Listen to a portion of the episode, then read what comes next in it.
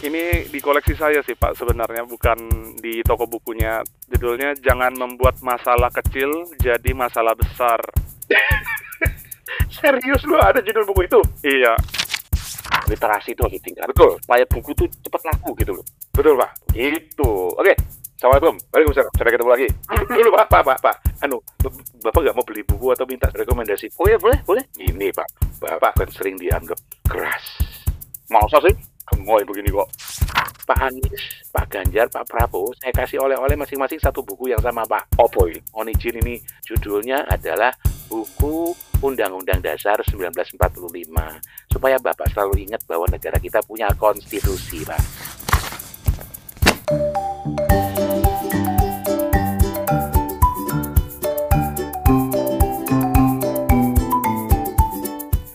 Oke, baiklah. Sebelum nanti ada tukang bakso lewat di depan rumah gue, Gak apa-apa ya tukang bakso lewat kita dibeliin lah. lu kelamaan di luar negeri lo nggak ngerti kode tukang bakso lewat. Apa tuh? Lu nggak tahu ya? Fan, fan, lu tahu nggak, Fan? Intel ya. Oh Intel. Emang sampai sekarang tuh Intel masih tukang bakso. Iya, jadi kan jadi, jadi kan bercanda gitu kalau ngomongnya agak-agak miring, awas ada tukang bakso lewat di depan pakai HT. Oh, tapi kemarin gue lihat ada tentara jualan ketoprak pakai baju Ya. tentara. Orang bilang Intel katanya. Masa Intel pakai baju tentara? Gue bilang kayak gitu. Ya lagi liburan kan. Kan Oh, jadi kalau dia lagi kerja, dia nggak pakai baju tentara. Kalau dia kan dia pakai baju preman, nggak ketahuan. Nah kalau libur, ya gue pakai baju tentara lah. Kalau libur, Kacau. Nah iya dong, Ben, lu, lu kalau ke kantor pakai baju kantor, lu lagi libur ya pakai baju santai. Masa kalau Intel kan kebalikannya, lu harus ada pakai baju beda, masa pakai baju yang sama. Jadi Jadi, jadi kalau kerja lu pakai baju tukang bakso gitu, tapi kalau lu lagi libur lu pakai seragam gitu ya. kan lagi libur ya. Kacau loh. Ya wes, kita langsung mulai rekaman sebelum Toto suaranya mulai hilang lagi. Dia masih di, masih di KL, Van. Tes tes. Suaranya kecil apa gimana nih? Aman ya? Aman, aman. Jadi episode kali ini tuh sebenarnya di, di idenya itu terpicu dari eh, tahun 2019, 2018 akhir tepatnya. Waktu itu kita bikin satu episode dan episode itu adalah eh, masuk dalam lima besar dengan pendengar terbanyak dalam sejarah kepo buku. Belum tentu juga yang ini kita bikin bakalan gede juga sih ya. Belum tentu, belum tentu. Tapi waktu itu memang momennya pas. Jadi momen itu waktu itu lagi menjelang Pilpres tahun 2019. 2018 itu kita rekamannya itu kalau nggak salah setelah bulan Agustus. Jadi baru saja mulai pendaftaran calon. Jadi calon-calonnya udah ketahu udah ketahuan gitu kan. Terus di tengah kebosanan kita, kita mau bahas apa lagi ya gitu. Tiba-tiba muncul ide, eh ini aja kita nebeng apa popularitas pansos pansos. pansos. Jadi kita pansos dengan Pak Jokowi dan Pak, Pak Prabowo. Jadi waktu itu temanya ada- adalah rekomendasi buku untuk para capres. Itu tahun 2019 eh 2018 akhir.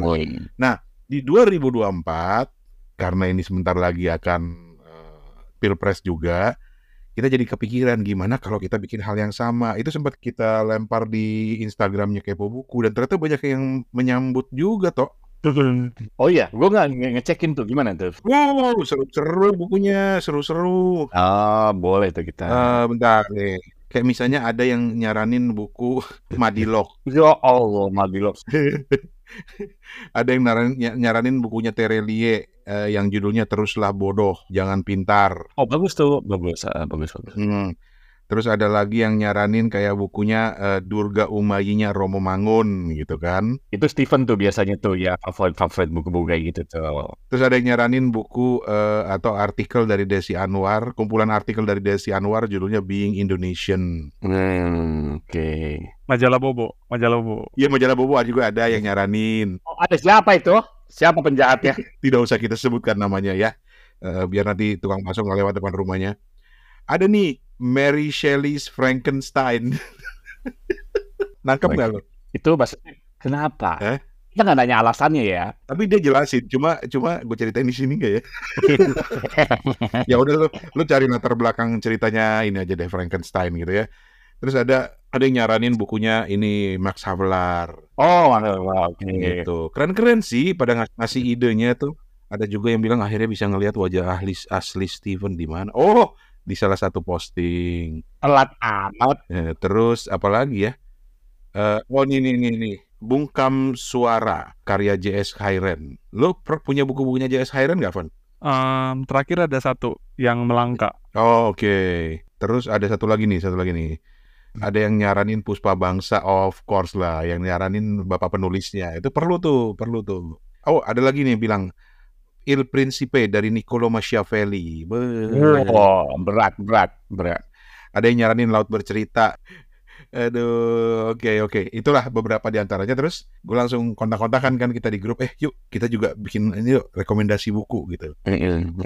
Nah, saat rekaman kali ini kita mau coba sharing buku-buku apa aja itu yang akan disarankan oleh para host Kepo Buku untuk para calon presiden yang kebetulan sekarang ada Pak eh kok gue lupa ya nomor satu ya Pak Anies. Pak Anies Baswedan. Prabowo Subianto dan Pak Ganjar Pranowo gitu. eh jadi masing-masing dua buku lah eh, paling tidak walaupun kalau mau lebih juga boleh tapi kita mulai dari siapa nih Steven kali ya Van buku pertama lu Van Boleh, boleh. lu mau rekomendasikan untuk eh, Pak Anies, eh, Pak Prabowo dan Pak Ganjar apa tuh, Fen? Ah, bisa nggak sih Bang Rane eh, berperan sebagai Prabowo gitu, terus nanya eh, nongol di toko buku kan, terus nyari buku gitu. Eh, boleh, boleh aja. Lanjut. Ya Allah dia teriak. Oke nih. Steven tuh Steven tuh agak bingung. Steven tuh agak bingung. Buku apa aja eh, yang mau direkomendasiin. Makanya waktu itu waktu itu gue bilang sama Steven Fen gini aja Fen anggap aja misalnya Pak Pak Amin eh, Pak Amin lagi ah Pak Anies Pak,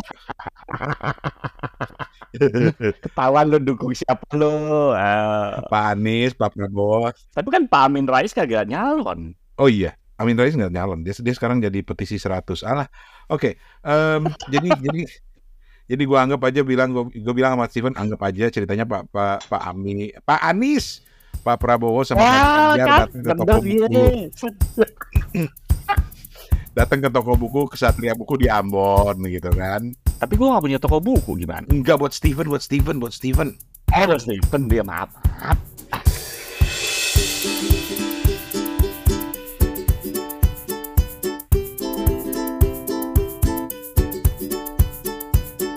bentar bentar gue joget gemoy dulu Aduh. Jadi gue sekarang ke toko bukunya Steven terus langsung bilang gitu ya. Mas Steven, saya tuh sering denger kepo buku. Itu bagus sekali tuh podcast itu. Ya. Jadi a- ada rekomendasi buku apa buat saya? Pak Prabowo ini ada beberapa rekomendasi. Ini yang pertama nih ada komik nih, Pak. Judulnya A Man and His Cat. Ini nih kan saya kira Pak Prabowo lagi kampanye kiri kanan ya. Dari sini ke sana mungkin bisa menurunkan tensi sambil dibaca di pesawat gitu ya. Ini komik kucing nih. Anda tahu pasti kalau saya tuh suka kucing ya. Oh iya, kan Bobby itu kucing paling viral ya dulu. Iya, iya, iya, iya, iya. Nah, ini yang pertama ya, Pak.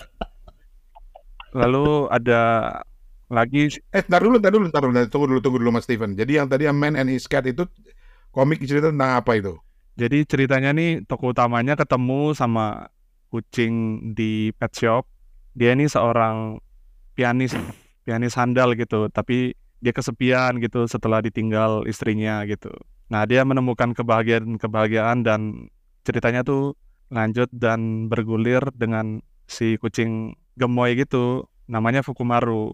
Mas Steven, ini saya gue sekarang ganti jadi Anies Baswedan. Saya mau protes dulu sedikit nih Mas Steven. Anda tadi tadi ngirimnya buat Pak Prabowo itu yang buku A Man and His Cat itu cocok buat saya karena saya punya tiga malah eh, kucing saya. Oh, begitu ya, Pak. Ada namanya Lego si kaki tiga, ada Oboy dan juga ada yang namanya Aslan. Gitu Mas Steven. Jadi itu buku buat saya juga Mas Steven, bukan hanya buat Pak Prabowo. Oke oke boleh boleh Pak. Memang ada beberapa buku untuk yang lain juga. Hmm, Oh boleh boleh boleh boleh. eh, ngomong-ngomong ini juga untuk semua capres sih Pak Prabowo. Iya itu ada buku yang bagus tuh Filosofi Kebahagiaan Fahrudin Faiz.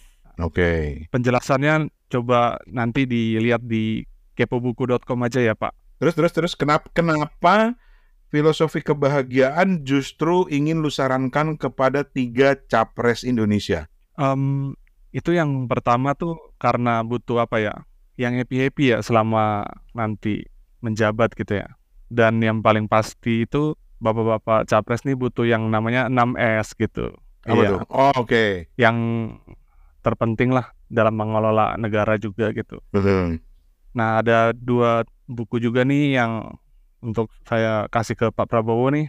Yang pertama ada Profesi Wong Cilik, Spiritualitas Pekerjaan-Pekerjaan Tradisional dari Iman Budi Santosa. Ini ada eh, tulisan yang bersahaja nih Pak dari Iman Budi Santosa nih Pak. Seperti pemikat perkutut, ada juga abdi dalam keraton, tukang beca, jagal sapi, pemandu gunung, purnawirawan juga nih terakhir nih. Iya. Kok bisa-bisanya ya ada Hmm. purnawirawan juga. Itu tuh itu tentang apa bukunya itu Mas Steven? Dia tuh kayak cerita-cerita pekerjaan wong cilik gitu loh Pak. Jadi Oh. di laju modernisasi gini kan pembangunan gitu kan tetap ada inspirasi-inspirasi lah Pak dari para profesi wong cilik ini gitu. Misalnya kayak permi- pemikat perkutut nih kayak Wow. oh ternyata tuh bukan sekedar cuma cari perkutut gitu ya, tapi ya dia harus eh, sesuai dengan lingkungannya gitu, nggak terlalu banyak ngambil perkutut juga gitu. Ada bong supit, ada bakul jamu gendong, mungkin bisa bikin bapak lebih membumi lah pak, mengenal wong cilik-wong cilik yang ada di Indonesia nanti gitu. Iya. Terus ada satu lagi nih pak, Banyak bener ini Mas Steven. Apa lagi Mas Steven? Eh, kebetulan nih ini di koleksi saya sih Pak sebenarnya bukan di toko bukunya tapi mungkin pas nih Pak. Judulnya Jangan Membuat Masalah Kecil Jadi Masalah Besar. Serius lu ada judul buku itu? Iya, Ada ada don't sweat the small eh, don't sweat the small stuff right? Eh, Steven kalau nggak salah. Judul aslinya gitu kan? iya betul. Ini dari karangannya Karangan. Richard Carlson Pak Prabowo. Oke, kenapa Mas Steven? Eh, ini ini kayaknya kayaknya nih buku klasik yang kayaknya Bapak mesti pegang-pegang terus nih nanti kalau menang nanti di Pilpres gitu ya Pak. Soalnya Ya. banyak bab-bab singkat aja sih Pak dan mungkin bisa memberikan guideline-guideline gitu ya. Aku coba lihat-liatin bab-babnya ya Pak. Boleh, boleh, boleh. Coba coba di, dibacain beberapa contohnya misalnya. Em, yang bab ketiga nih, hilangkan pikiran bahwa orang yang santai dan lemah lembut tidak dapat meraih prestasi tinggi. Oke. Oh, ini kita liatin paragraf pertamanya ya, Pak. Siap. Salah satu alasan utama kebanyakan dari kita selalu tergesa-gesa, cemas, dan bersikap kompetitif, serta menjalani kehidupan seolah-olah dalam keadaan darurat adalah kita takut bila kita menjadi orang yang lebih tenang dan lemah lembut, kita tidak bisa lagi mencapai sasaran kita. Kita akan menjadi malas dan bodoh. Ya, ya, ya, ya. Tapi ada juga bab-bab yang lain tuh kayak misalnya eh, jadilah seorang antropolog, pahamilah realitas terpisah, terus jadilah pihak yang lebih dulu melakukan pendekatan, terus tersenyumlah kepada orang tak dikenal, tatap matanya dan sapalah. Terus ada lagi cari tahu dulu supaya mengerti. Terus ada jadilah pendengar yang baik. Terus ada yang di bab ke-30 ini pilihlah pertempuran Anda dengan bijaksana. Terus kalau buat Pak Ganjar mau kasih apa? ya? Untuk Pak Ganjar sih ikut filosofi kebahagiaan aja sih Pak. Oh filosofi kebahagiaan biar lebih Iya. tenang jiwanya. Ini ya. terakhir nih eh, Mas Toto Bang Rane. Ini untuk siapa? Eh, Mas Gibran ya. Ini ada buku sejarah, buku analisis politik lah. ya. Judulnya Takdir Indonesia dari Theodore Fran. Ini baru aja keluar terjemahannya. Ini eh, dari para presiden dari Soekarno, Soeharto, Habibie, Abdurrahman Wahid dan Megawati Soekarno. Jadi kayak analisis politik dan komentator-komentator peristiwanya gitu ya. Jadi benar-benar uh, buku penting aku kira yang mungkin bisa dibaca buat orang-orang yang pengen tahu perjalanan politik Indonesia ya. Oh jadi lo ngatain mau, bilang Gibran kurang tahu nih perjalanan politik Indonesia Oh, nih. Oh enggak juga, ini kan biar tahu gitu ya masa kejayaan Majapahit hingga kepresidenan Megawati. Baiklah.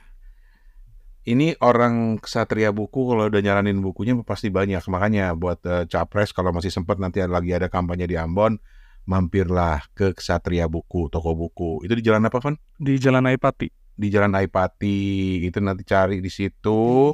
Tanya yang namanya Steven, nanti bisa langsung tanya di situ ya Pak Anies ya, Pak Prabowo dan juga Pak Ganjar. Gitu.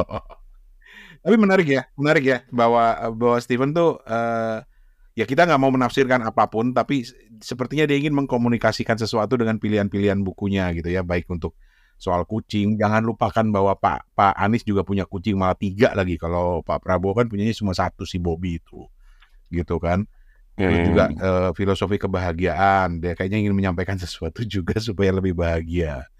Habis, aduh pusing banget ya dengan politik sekarang. Terus juga tadi ada beberapa buku lagi yang juga ingin disarankan. Terutama gue tertarik tuh buku yang gimana caranya supaya eh, capres-capres kita, terutama Pak Prabowo, Pak Prabowo ini bisa mengenal eh, masyarakat, masyarakat kehidupan masyarakat masyarakat bawah. Tadi bukunya apa pun judulnya pun?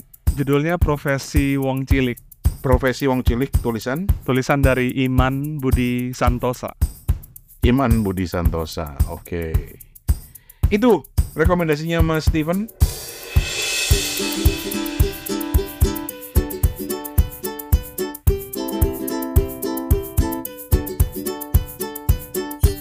Sekarang kita menuju ke Mas Toto. Mas Toto, lo mau merekomendasikan apa buat para capres? Mau khusus capres tertentu juga boleh. Kudu ya? Yang enggak, bebas-bebas aja. Oke, kalau begitu saya rasa rekomendasi. Dah diketawa dulu gua nih. Ini gua curiga nih kayaknya mau mau iseng nih kayaknya nih. Orang orang mau rekomendasiin buku iseng. Kalau gue rekomendasiin buku, gue cuman punya dua buku ini yang kalau eh, bapak-bapak calon presiden atau nanti siapa pun eh, jadi presiden, kayaknya bisa memetik keuntungan dari membaca buku-buku ini. Cie, gitu. Jadi gue nggak usah, gue nggak akan menyarankan, oh buku ini untuk bapak ini, buku ini untuk Oke, bapak oke. gitu. Karena gue cuman punya dua buku dan menurut gue buku ini memang basic banget. Basic tapi eh, kudu dibaca. Oke. Wah, kudu. Berarti gue otoriter dong gue. Gue kalau jadi presiden berarti gue otoriter dong kalau gue bilang kudu dibaca. Enggak ya. Kalau rekomendasi pak, rekomendasi. Saya jadi presiden nggak boleh otoriter kan. Harus demokratis tetap kan ya. Oke. Gitu. Mm-mm. Saya juga nggak boleh kayak Rani tuh emosinya meledak-ledak nggak boleh. Kalau jadi presiden tuh harus se- eh, santai gitu kan, dikritik oke. Yang emosinya meledak-ledak tuh gue, jadi lu ngatain gue, ya udah nggak apa-apa. Iya, kan kalau jadi presiden tuh kayak Rani. Rani gak cocok jadi presiden kalau berdua karena terlalu emosional jadi orang kan nggak boleh gitu. Jadi itu santai kayak Steven gitu kan nggak jadi presiden. Mas, Mas Toto coba ya itu jangan berpanjang-panjang. Buku Anda itu apa? Buku Anda. Buku Anda itu apa? Enggak, orang kalau saya bilang gitu harus ada konteks, jadi orang tahu Oke. gitu kan uh, logikanya gimana gitu. Jangan langsung gitu, langsung istilah gitu, nggak penting kalau presiden nggak tahu istilah juga. Oke. Eh, buku yang akan saya sarankan ini ada dua gen sebenarnya. Gitu. Pertama adalah buku fiksi, yang kedua adalah buku non fiksi. Jadi adil dong. Adil. Kan demokrasi harus adil. Adil. Oke. Udah tahu kan non fiksi sama fiksi semuanya udah tahu kan? Udah tahu ya. Nggak usah dibahas istilahnya. Nah kalau istilah non fiksi sama fiksi nggak apa-apa langsung nggak usah dijelasin. Dia udah pada tahu gitu kan. eh fiksi. Nah fiksi ini buku yang sebenarnya pernah kita bahas. Karena kita pernah bahas berulang-ulang kalau nggak salah. Eh enggak ya. Pernah kita jadi pernah kita bahas gak sih lupa gua. Tapi pernah disebut berulang-ulang ya pasti. Yaitu buku eh, Little Prince Little Prince. bukunya si gimana bacanya ya? Hmm. Maaf saya nggak pintar bahasa Perancis. Eh, Perancis ya ini ya? Atau nggak pintar bahasa Jerman seperti Pak Prabowo. Eh, bukunya Antonin de Saint-Supéry. Itu ya bacanya Oke. kali ya? Little The Prince. Little Ah, buku ini sendiri sebenarnya buku fiksi. Mungkin bukunya tipis, tapi menurut saya bukunya dalam dan pernah jadi perdebatan di di pembahasan kita ya. Buku ini tuh sebenarnya buku anak-anak atau buku orang dewasa. Nah, begitu. Karena pembahasannya dalam gitu. Ah, buku ini juga nggak tebal, jadi ada ilustrasinya juga dan sudah diterjemahkan kalau nggak salah lebih dari 300 bahasa. Saya sendiri mencoba mengkoleksi berbagai macam bahasa. Oke. Terakhir tuh kalau di nggak salah di Indonesia itu ada yang pernah nerjemahan dalam bahasa Sunda loh. Dan bahasa Sundanya itu nggak pakai eh, roman, nggak pakai apa namanya Ya, abjad aksara, Romawi. aksara Sunda. Aksaranya Sunda. Oke. gitu. Keren banget. Tapi kan yang nggak pernah terjawab dari cerita kita kan karena kan dulu kita mau bikin episode khusus tentang Little Prince tapi nggak pernah kesampaian nih. So Hmm. relevansinya kenapa lu itu mau sarankan buku itu buat para capres tuh kenapa? Pertama adalah kita bagaimana seperti tadi si Stephen bilang ya, Hmm. Stephen malah bi, eh, menyarankan buku filosofi kebahagiaan. Ya. Di dunia ini gitu ya, kita tetap butuh hiburan. Nah itu salah satu kegunaan buku fiksi. Ah, butuh hiburan dong, yang nyantai-nyantai. Cuman ketika nyantai kita dapat sesuatu kan. Nah bukunya kenapa? Karena buku ini akan membawa kita sebenarnya berimajinasi. Buku ini membuat kita sebagai orang dewasa sebenarnya dipaksa untuk ikut berimajinasi. Karena salah satu jalan ceritanya begitu gitu. Am, eh, coba deh dibaca tentang misalnya bagaimana seorang narator ini, seorang pilot yang dulu ketika kecilnya, di awal gitu kecilnya, dia menggambar, eh, menurut dia dia menggambar ular apa namanya boa ya, Ya, ular boa itu apa piton ya? Pokoknya ular lah gitu. Tapi orang bilang enggak, eh, orang menganggap gambarnya itu eh, ternyata sebuah topi kalau nggak salah gitu kan. Tapi ya begitulah dalam menjadi seorang pemimpin menurut gua gitu dan kita kebanyakan kita juga mampu bisa membaca atau bisa mampu melihat di luar yang eksplisit gitu. Yang Hmm. implisit juga bisa harus lihat. Dan kadang-kadang kita harus out of the box gitu. Kalau yang adult ya harus jadi bisa jadi anak kecil lagi karena kita bisa menggali hal-hal dan banyak banget gitu di buku ini. Misalnya apa ya? eh di salah satu babnya adalah bagaimana dia itu em, eh, membaca seperti gini. eh, si pilot itu suruh apa namanya eh, menggambar sebuah sip. Sip itu apa ya? Sip itu kambing ya. Eh, Ya, biri-biri Ya, kan biri- gitu kan. biri-biri ya. Terus biri-birinya kenapa harus? Nah, kenapa biri-birinya harus dikasih kandang gitu? Orang biri eh, kata si Little Prince. Eh, narrator tuh sebenarnya di buku ini ada seorang narrator dan ketemu seorang Little Prince dari sebuah planet gitu. Dan salah satu episodenya adalah si pilot ini yang ketika pesawatnya rusak disuruh gambar eh, biri-biri gitu. Dan biri-birinya itu menurutnya harus dikasih kandang kalau nggak salah gitu ya. Tapi oh atau harus dikasih tag, harus dikasih eh, tali. Terus ditanyain sama Little Prince kenapa harus kasih tali? Ya, "Ntar kalau nggak lepas gitu kan Iya. intinya begitu. Kamu. Terus kata Little Prince orang ternyata setelah belakangan tahu bahwa planetnya si Little Prince itu adalah kecil, nggak lebih besar dari sebuah eh, sebuah astre- asteroid gitu. Kalau nggak salah istananya itu cuman sebesar rumah gitu. Dan eh, pesan-pesan seperti itu banyak di cerita-ceritanya. Gua nggak akan bahas satu-satu, tapi paling nggak seharusnya kita sebagai pembaca jadi tahu apa yang implisit gitu. Apa sih yang harus kita lihat dulu gitu sebagai kalau kita melihat situasi gitu ya. Apa yang harus kita telah dulu, nggak serta-merta menyimpulkan seperti itu kayak gitu. Harus melihat di banyak sisi, harus melihat dari sisi mana sehingga ketika kita ngambil keputusan, ketika kita komen sesuatu juga jadinya lebih bermakna gitu. Jadi lebih tepat sasaran, misalnya kayak gitu. Ini seru banget ya. Aku sampai kayak eh, ini harus coba dimulai baca lah gitu. Yang belum pernah baca, saya belum pernah baca. Lanjut, Pak Toto. Lanjut. Nah, itu buku yang non fiksi. Yang kedua sebenarnya buku yang kalau Stephen me- menyarankan buku filosofi kebahagiaan. Wah, itu keren banget tuh. Kita waktu itu udah pernah bahas ya, Pak. Tolong didengar.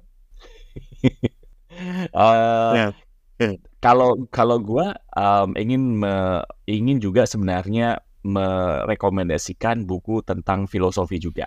Tapi kan kalau filosofi itu banyak banget gitu ya dan kadang-kadang berat. Nah, ada satu buku yang menurut saya itu enak banget Pak buat dibaca, yaitu bukunya Will Durant. Will Durant ya, Will Durant. yang seorang filosof Will Durant, uh, D U R A N T, D U R A N T. Uh, Will Durant um, itu yang tentang uh, bukunya itu yang berjudul The Story of Philosophy. Jadi uh, sebenarnya ini tuh uh, membahas tentang uh, filosof uh, terkemuka gitu ya, dari mulai Plato gitu ya, terus ada siapa lagi Aristotle gitu. Jadi sebenarnya dia ngebahas tentang apa pemikiran-pemikiran sama sedikit sejarah gitu ya. Uh, filosofi filosof filosofer filosofer ini. Jadi dari Plato kalau nggak salah sampai Nietzsche kalau nggak salah. Jadi kenapa sih sebenarnya eh, kita kan belajar filosofi kadang-kadang berat banget ya. Eh, gua, Steve, lu, Stephen gitu kan kita bahas, aduh berat banget belajar filosofi. Nah, Hmm. ini pentingnya untuk bahas, untuk baca buku yang uh, agak lebih tipis gitu. Nah, buku ini tuh sebenarnya udah udah lama banget terbitnya, nggak buku lama, mungkin di antara bapak-bapak calon presiden udah pernah mungkin udah pernah lihat atau mungkin udah pernah baca. Bukunya sebenarnya banyak diterbitkan lagi dalam bentuk buku saku gitu. Jadi sebenarnya bisa dibawa ke mana-mana gitu, Little Prince-nya bisa dibawa ke mana-mana gitu ya, kalau lagi Hmm, jalan-jalan katanya sekarang atau nanti ketika sudah menjabat presiden. Nah, The Story of Philosophy Wildon itu juga eh, udah banyak diterbitkan dan bentuknya saku gitu.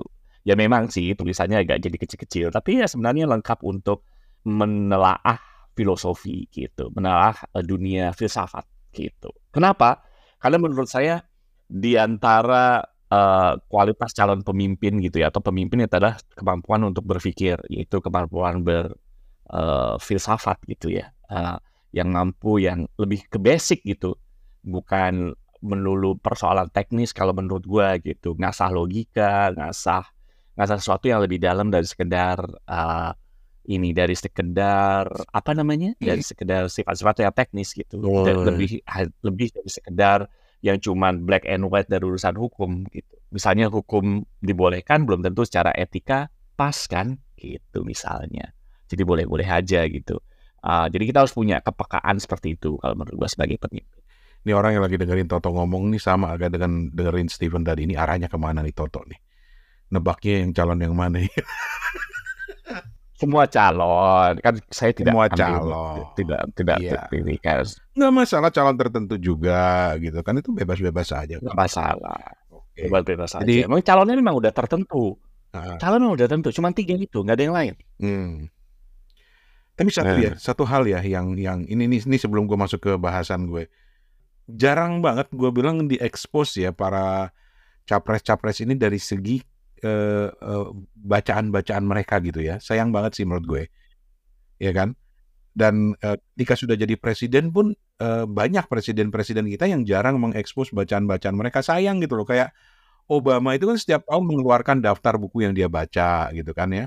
Dan itu sudah menjadi tradisi juga di bukan hanya Obama tapi juga di beberapa presiden termasuk Bill Clinton gitu yang me- mengumumkan bacaan mereka. Jadi secara tidak langsung eh, ini juga ingin menunjukkan bahwa nih calon-calon atau presiden-presiden ini juga punya punya buku dan punya keberpi- keberpihakan juga pada para penulis gitu kan ya meng- mengajak orang beli buku gitu kan ya untuk membaca gitu. Itu kan ada. Bahkan untuk industri musik misalnya Obama juga punya list lagu-lagu favorit dia gitu. Kan menarik kan? Nah, sebenarnya itu yang menurut gua eh, kalau kita sebagai pemimpin, eh Pak sorry, pemilih dalam tanda kutip yang cerdas gitu ya, Baik. gue lebih tertarik untuk kayak gitu. Jadi nggak cuma buku sebenarnya, Hmm. musik apa yang bapak suka, yes film apa atau TV series apa yang bapak suka, ya berita apa namanya, majalah atau terbitan apa yang bapak suka. ya kan berita TV apa seperti apa yang bapak suka. Jadi kita bisa nebak atau bisa eh, menyimpulkan sendiri lah ya, walaupun bisa jadi salah, bisa jadi benar. Sepertinya anda tuh seperti apa gitu eh, kecenderungan polisinya nanti. Karena bagaimanapun kan dipengaruhi, ini sih? iya Misalnya Rani gitu suka rock, mungkin ya kita bisa oh Rani ternyata yang kayak begini rocknya juga mungkin Nah, seperti apa. Kalau musik kan itu Gitu. itu itu eh, pemilu 2014 kan udah diangkat tuh bahwa, Pak Jokowi suka rock. Gitu. kan ya. Hmm. Oh, kalau bu- budaya populer sebenarnya di pemilu ini kan Pak Anies ya eh, sempat diangkat dia suka eh, anime gitu ya. Oh iya, Pak Anies suka anime ya? Oh. Sempat diangkat. Dia Hmm. suka suka apa kan? Masih ingat kapan? One Piece bukan ya? One Piece bukan.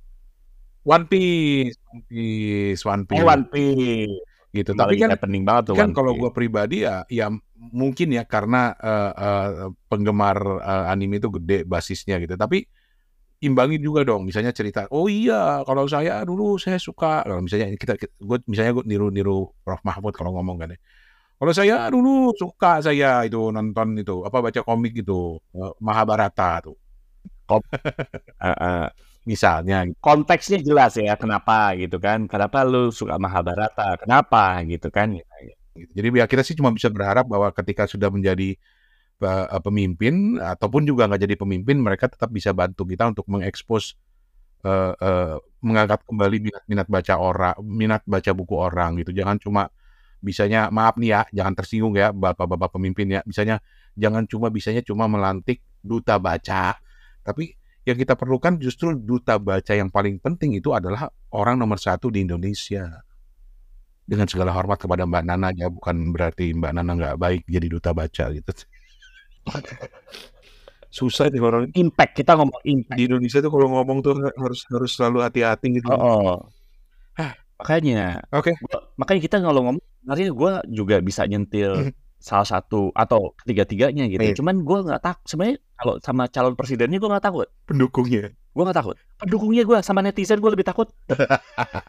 Rasa Pak Pak Anies, Pak Ganjar, Pak Prabowo eh, gitu ya. Gue rasa sih santai orangnya. Mungkin juga nggak tahu juga kita sentil gitu. Iya. Netizennya yang kita ini, yang kita khawatirkan. Jadi full disclaimer bahwa rekomendasi buku yang kita berikan saat ini itu benar-benar pure karena kita punya eh, eh, buku-buku tertentu yang menurut kita menarik untuk dibaca oleh si capres. Jadi jangan dibaca dari sisi apa atau kenapa hanya ini, kenapa hanya ini enggak.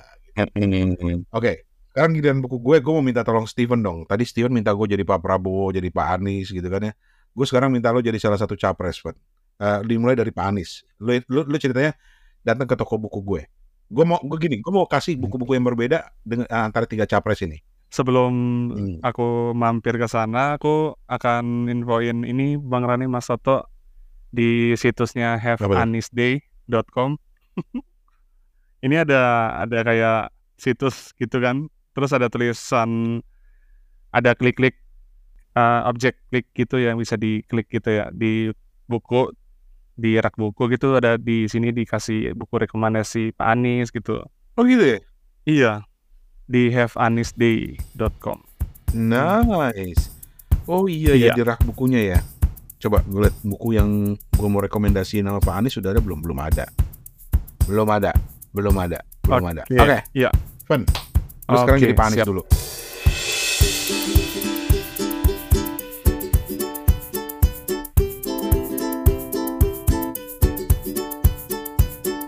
Halo, assalamualaikum Pak Rane. Ya, Pak Anies, silakan Pak Anies. Masuk-masuk Pak. Silakan lihat-lihat bukunya. Boleh. Ada ada rekomendasi apa nih? Oke, saya kalau lihat eh, pilihan-pilihan buku Bapak ini kan banyak buku self help ya. Wah, kebetulan saya ini penggemar buku self help. The Power and Progress, ada Atomic Habits. Oh, ada se- sejarah juga. Oke. Buku yang saya mau sarankan untuk Pak Anies kali ini eh, ditulis oleh Profesor Adam Grant. Namanya Originals: How Non-Conformists Move the World. Jadi eh, Profesor Adam Grant ini seorang penulis sains eh, apa ya? Dia itu seorang penulis eh, popular science dan dia juga seorang ahli psikologi ya, khususnya psikologi organisasi. Jadi eh, judul bukunya sekali lagi Originals: How Non-Conformists Move the World. Jadi idenya di bukunya Pak eh, Adam Grant ini nanti kalau Bapak jadi presiden dan terpilih ya bisa ajak Adam Grant datang ke Indonesia ya Pak ya. Jadi ide idenya, idenya itu bagaimana eh, eh, bahwa di dunia ini eh, untuk mencapai sesuatu itu ada, dua macam lewat conformity atau originality. Conformity itu adalah selalu tampil beda gitu ya. Eh, eh, sorry sorry, conformity itu adalah selalu mengikuti arus. Jadi eh, eh, eh, mengikuti status quo, pokoknya lempeng-lempeng aja lah gitu. Terus ada yang namanya original, originality. Jadi mereka menempuh jalan yang tidak pernah ditempuh oleh orang sebelumnya, berani melawan arus, tapi justru melahirkan karya-karya baru, hal-hal baru gitu. Nah itu itu sih saya menyarankan eh, buku ini menarik untuk bapak baca karena eh, bagaimana caranya kita melahirkan eh, ide-ide original, ide-ide baru buat negeri ini gitu pak. Entah nanti bapak jadi presiden atau tidak itu bebas-bebas saja. Jadi intinya eh, Adam Grant itu ngajak kita untuk melihat bagaimana kita bisa membuat eh, perbedaan-perbedaan di sekeliling kita dengan gagasan-gagasan yang original eh, di tengah-tengah apa ya budaya yang sudah konservatif dan orang-orang yang cenderung ikut arus aja gitu. Jadi ini kalau kalau ada salah satu bagian misalnya tentang bicara tentang pemimpin, jadi dia selalu bilang eh, Profesor Adam Grant itu selalu bilang pemimpin itu sering kali terlalu hati-hati, akibatnya nggak ada waktu buat mikirin ide-ide baru. Nah, kalau dengan membaca buku ini dengan ide-ide dari Profesor Adam Grant ini, mudah-mudahan kita terpacu untuk ngikutin atau mendapatkan ide-ide baru. Dan em, apa ya, sebuah institusi atau organisasi juga sering kali terjebak dalam apa yang disebut sebagai group think. Jadi pola pikir yang seragam, entah itu di dalam organisasi, institusi, departemen, sudah sudah seragam uh, dengan uh, keinginan gue nggak mau cari masalah lah gitu ya. Gue nggak mau uh, uh, apa ya dianggap nggak patuh. Gue nggak mau uh, apa ya. Gue cuma pengen menjaga kedamaian aja gitu. So, karena kalau gue beda dikit takutnya nanti malah jadi masalah. Itu grouping itu yang membuat orang terjebak sehingga mereka tidak uh, berpikir secara inovatif gitu. Padahal menurut Adam Grant dunia ini penuh dengan orang-orang yang berani beda, berani melawan arus, dan itu juga termasuk para politisi-politisi gitu yang yang sudah melakukan itu. Intinya sih begitu, bukunya original tuh uh, Pak Anies. Apakah Bapak berminat? Oh ya, boleh, boleh, boleh. Itu buat Pak Anies gitu. Nah sekarang buat Pak Prabowo nih, mana Pak Prabowo-nya nih? Ini toko buku apa nih ini? Saya main masuk aja ini saya nggak tahu ini toko buku apa ini. Ini toko buku apa ini? Satria Buku Bang Bintaro, Pak. Oh iya iya bagus bagus. Oke, toilet sebelah mana ya Mas ya? Mau ke toilet dulu saya. Boleh dong. Boleh Pak, boleh Pak. Monggo Pak. Biar santai lihat buku-bukunya nanti ya nah. Ya udah, sambil Bapak nunggu Bapak ke toilet, silakan Pak Ganjar monggo Pak Ganjar silakan masuk Pak Ganjar. Ya Pak Ganjar dulu ya, Pak Ganjar dulu. Saya mau ke toilet dulu. Nanti saya belakangan aja. Gimana? silakan Mas Steven, eh Mas Steven lagi. Pak Ganjar silakan Pak Ganjar. Ada yang dicari Pak? Pak Prabowo ya, Pak Prabowo lagi ngisi. Kacau Oh iya, oke oke. Uh, dengan Pak Ganjar nih ya ceritanya. Ya ya, silakan Pak. Gimana Pak? Mari mari masuk Pak. Ini toko buku Satria Buku cabang Bintaro Pak. Ah, ini baru habis sepedaan nih Pak Rane ya, Pak Rane. Ini ya, ya, ya betul Pak. Betul. Ini mumpung lewat aja ya Pak. Uh, ada satu dua koleksi yang bagus ya. Boleh buat saya, ya. Oh ada. Ada Pak, ada. Secara khusus saya sudah menyiapkan ini buku uh, dari George Orwell, Pak. Ini buku klasik. Judulnya 1984 atau 1984 sudah diterjemahkan dalam bahasa Indonesia. Kalau misalnya Bapak kesulitan baca bahasa Inggris, ada bahasa Indonesianya. Atau nanti minta tolong dibacakan sama Mas Alam ya. Ini kalau bahasa Indonesianya itu diterjemahkan oleh Landung Simatupang yang terjemahannya bagus banget. Jadi bahkan ketika Bapak membaca buku itu, Bapak akan serasa kayak membaca buku sastra yang berbeda gitu. Tapi padahal ini intinya adalah 1984-nya George Orwell. Saya nggak tahu apakah Bapak dulu waktu di Gajah Mada udah baca atau belum. Saya asumsikan belum. Jadi ini adalah sebuah novel distopia ya Pak ya. Yang ditulis tahun 49 uh, yang bercerita tentang kehidupan uh, masyarakat di zaman itu yang banyak dikontrol oleh negara. Banyak dikendalikan oleh negara. Uh, tapi menariknya, walaupun ini ditulis tahun 1949, tapi kok sekarang di tahun 2000-an ini banyak jadi kenyataan.